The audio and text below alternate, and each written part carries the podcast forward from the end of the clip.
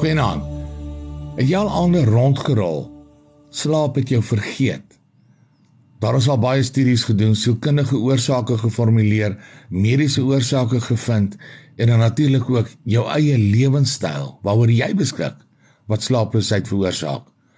En vanaand moet jy fokus op die rus wat jy nodig het. Jou geloof bied jou die rus wat verby is is verby. Dit hoort in gister se leer.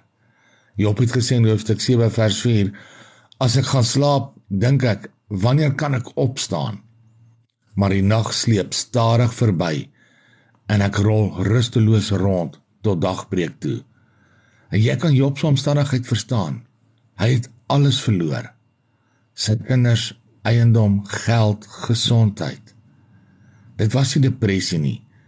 Sy slaaploosheid was uit pyn, hartseer en verlange, die onbeantwoorde vrae van hoekom.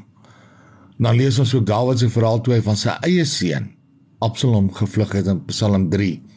Maar U Here beskerm my aan alle kante. U herstel my eer en aansien. As ek na die Here roep, antwoord hy my uit sy heilige berg. As ek gaan lê, slaap ek goed. Ek word ook weer wakker want die Here sorg vir my.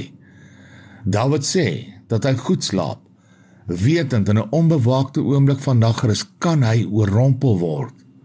Hy vra nie hoekom nie. En wanneer hy wakker word, voel hy goed, want hy glo die Here sorg vir hom omdat hy die Here gevra het om hom te beskerm en sy eer en aansien te herstel. En jy kan ook met jou geloof en eie geestelike vermoë jou dag met 'n lied in jou hart begin. Die Here verskaf positiewe krag in jou. Mag jy vanaand weer dat die Here jou verlede skoon gevee het. Dit wat jou pla wegneem en dat hy jou in jou nagrus versterk om met 'n opgewondenheid môre in te wag om in sy diens te kan staan.